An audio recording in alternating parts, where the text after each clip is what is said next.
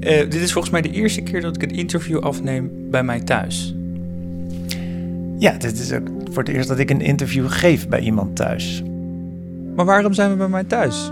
Hier hangen helemaal geen camera's. Want dat ga ik namelijk onderzoeken. Wat het effect van camera's is op het gedrag van mensen.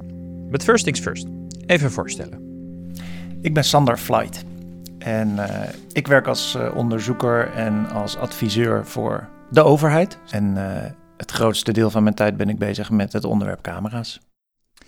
Sander Flight wordt onder andere ingehuurd door het ministerie van Justitie, door de politie en verschillende gemeentes. Sander zit bij mij thuis en beschrijft vier verschillende ruimtes waar je kan zijn en dus ook bekeken kan worden. De woning, de privéwoning, is eigenlijk altijd een, een soort heilige plek. Dat is dus de meest privé plek en je moet daar jezelf kunnen zijn. Op het moment dat je naar buiten gaat, wordt er van jou verwacht dat je je houdt aan bepaalde normen. Bijvoorbeeld, je doet kleren aan. Uh, je bent niet excessief dronken. Uh, allemaal dingen die je thuis wel mag zijn, mag je op straat ineens niet zijn. Dus we hebben dan de woning en het meest tegenovergestelde, de openbare plaats. Maar er zijn ook nog tussenvormen. Je kan op het moment dat je naar de Albert Heijn gaat, uh, op de stoep van de Albert Heijn, heb je vaak ook zelf al waarschijnlijk het gevoel dat je de plek van iemand anders benadert of zelfs al een beetje betreedt. Dus dat is een voor het publiek toegankelijke plaats waar je wel een soort doel moet hebben, namelijk ik ga hier boodschappen doen. En dan heb je nog een niet voor het publiek toegankelijke plaats, dat is de vierde categorie. Dat is als je ergens binnen bent en je echt aan de huisregels moet houden. Bijvoorbeeld als je er een kaartje voor hebt gekocht. Dus een museum of uh, achter de, de incheckbalie van het station. Waarom maken we dat onderscheid eigenlijk? De plek waar je bent bepaalt wat voor een soort verwachtingen je hebt en wat voor een soort verwachtingen je mag hebben ten aanzien van privacy. Um, ik zou zeggen, laten we de proef op de som nemen. Zelf die ruimtes gaan ontdekken. Laten we mijn huis uitgaan. Wat vindt u trouwens van mijn huis? ja, ik vind het heel gezellig. Ik vind het een mooi huis. En er is een, uh, een uitzicht naar achter, wat heel open is, maar wel privé.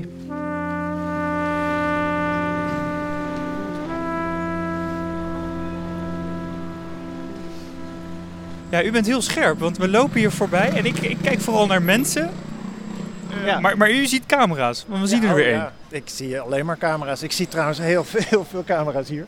dit, is, dit is volgens mij een infraroodcamera, die witte. En die filmt echt alleen maar de straat. Een infra, wat is dat?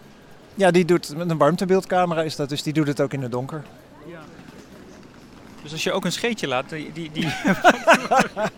ja, precies. Nee, we noemen dat warmtebeeld niet omdat warmte. het warmte is, maar omdat ieder object een bepaalde frequentie uh, afgeeft. En in het infraroodspectrum heb je daar geen daglicht voor nodig om het te zien. Ja, we ja inderdaad. Echt, uh, we zijn echt goed in beeld. We zijn nu denk ik al door 25 camera's gefilmd op dit kleine stukje.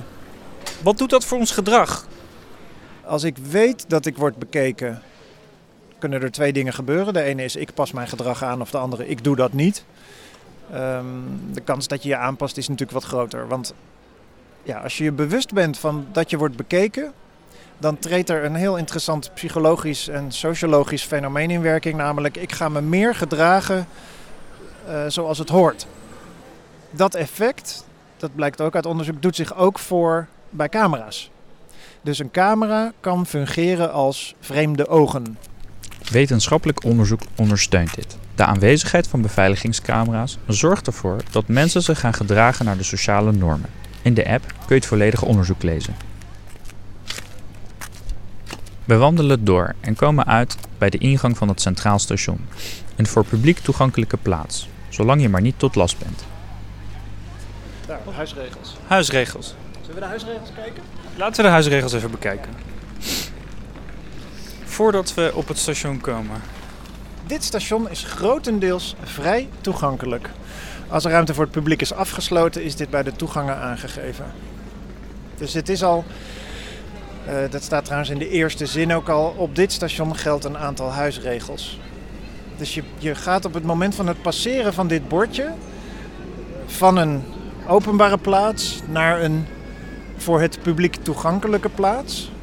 Dat is dus de tweede categorie waar we het net over hadden. Ja, je bent nog niet ingecheckt. Oh, ik dacht hier aan het filmen. Ook hier hangt het helemaal vol met camera's. We lopen door naar een klein café, de vierde ruimte. Een voor publiek niet toegankelijke plaats, want je moet er iets bestellen om er te mogen zijn. Er zijn in jullie vraagstelling twee termen belangrijk. De ene is hoe gedragen we ons als we worden bekeken en hoe gedragen we ons als we worden bespied. Ik denk dat je bij bekeken allemaal hetzelfde idee hebt, namelijk of je wordt door een camera of je wordt door een mens op dat moment bekeken. En je bent je daarvan ook bewust. Dat is als je wordt bekeken. Je kan bespied worden door een stiekeme camera, dus een onzichtbare camera. Heeft het dan effect op je gedrag? Nee, dan heeft het geen effect. Want En wanneer wel? dat heeft het wel als je wordt bespied in de zin dat de camera op zich wel, op zich wel zichtbaar is, maar je neemt hem niet bewust waar. En wat voor soort gedragsveranderingen zie je dan terug? Nou, je hebt een- heel leuk experiment bij eh, universiteiten. Daar hebben ze een koffiehoek. En het is de bedoeling dat je 50 cent betaalt voor de koffie. En dat je dat zelf in een potje gooit. Een heleboel mensen doen dat en een heleboel mensen doen dat ook niet. Als je bij dat potje met geld een foto ophangt met daarop ogen eh, van iemand die je aankijken, dan gaan mensen meer geld in dat potje stoppen dan als die poster daar niet hangt. Oftewel, die ogen, zelfs het plaatje van die ogen, triggert bij ons de behoefte om ons netjes te gedragen. En de afwezigheid van die ogen geeft ons de ruimte om stiekem wat minder of zelfs zelfs helemaal niks te betalen. Terwijl we dat helemaal niet doorhebben eigenlijk. Het blijkt dat ook mensen die eh, niet weten dat er een poster hangt en ook zich niet eh, herinneren wat er op die poster te zien was, toch hun gedrag erop hebben aangepast. Dus mijn vraagstelling, wat gebeurt er als je bekeken wordt, kan net zo goed onopgemerkt, wanneer je bespied wordt, gedragsverandering veroorzaken. Ja, absoluut. Ik denk dat het bespied dan wel heel duidelijk moet worden gedefinieerd als er was een zichtbare camera, maar mensen zagen hem niet bewust. We zijn hier dus, hier is de ondernemer, de baas, zitten in een klein café. Eh, maar laten we nog even naar buiten gaan, naar, naar de openbare plaats. En als we lopen, dan moeten we een klein stukje... Dit- zijn hele interessante meters, hè? Want Ja. we, we lopen nu uit een niet toegankelijke plaats voor iedereen... waar je eigenlijk een koffie had moeten hebben om binnen te komen. Dat hebben wij niet gedaan. Ja, precies. Wij zijn Stout van ons. Ja, wij voldoen niet aan de regels. Ik denk ook dat er nu achter de balie wordt gefronst. Nee, ja, nou, kijken we... Nee, er gebeurt nee. Maar we waren hier net wel. Het is onopgemerkt gebleven voor hun. Eh, en nu zitten we dus op de plek waar de NS de regels hanteert. En als we een klein stukje doorlopen, het, het zal zijn, ik denk drie meter. Ja, dit is een eh, drie meter, maar je voelt het ook. Hè? Je voelt je, het Je hoort en- het niet, maar je ziet het en je voelt het. En nu lopen we aan de achterkant van het station en dan zijn we in één keer op een openbare plaats. Ja, dit is in privacy zin vind ik de meest interessante plek en ook de meest kwetsbare plek.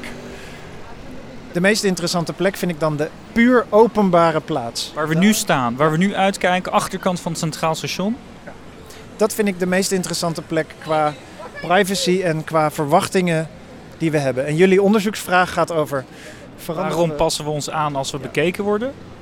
Ik kan me voorstellen dat mensen zich er op een bepaalde manier toch bewust van zijn dat er ergens cameratoezicht is. Op een onbewuste manier toch hun gedrag aanpassen. Met Sander heb ik het er steeds over hoe beveiligingscamera's ervoor kunnen zorgen dat jij en ik ons netter gedragen. Maar die camera's staan er natuurlijk ook voor de beveiliging. Helpen die camera's?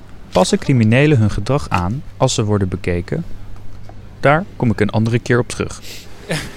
Terwijl er We hebben één ding geleerd. Ja. Er wordt heel veel gereinigd in Amsterdam. Nog, maar dat nog, is ja, nog, trouwens. Als het ergens schoon is, hè? Die reinigingskarretjes, waarom zijn die hier? Die zijn er om op te ruimen, maar hoeveel troep ligt er nou echt op straat? Dat valt best mee. ja.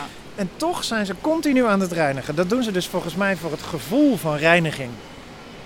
En een heleboel camera's doen precies hetzelfde. Het gevoel van camera's.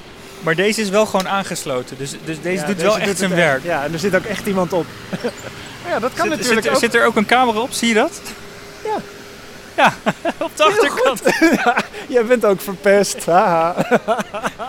Ik heb van de middag hier met u Je meelopen. bent ook verpest voor altijd. Jij gaat vanaf nu ook heel veel meer camera's zien dan je lief is. Shit, ik kan nooit meer normaal over straat lopen.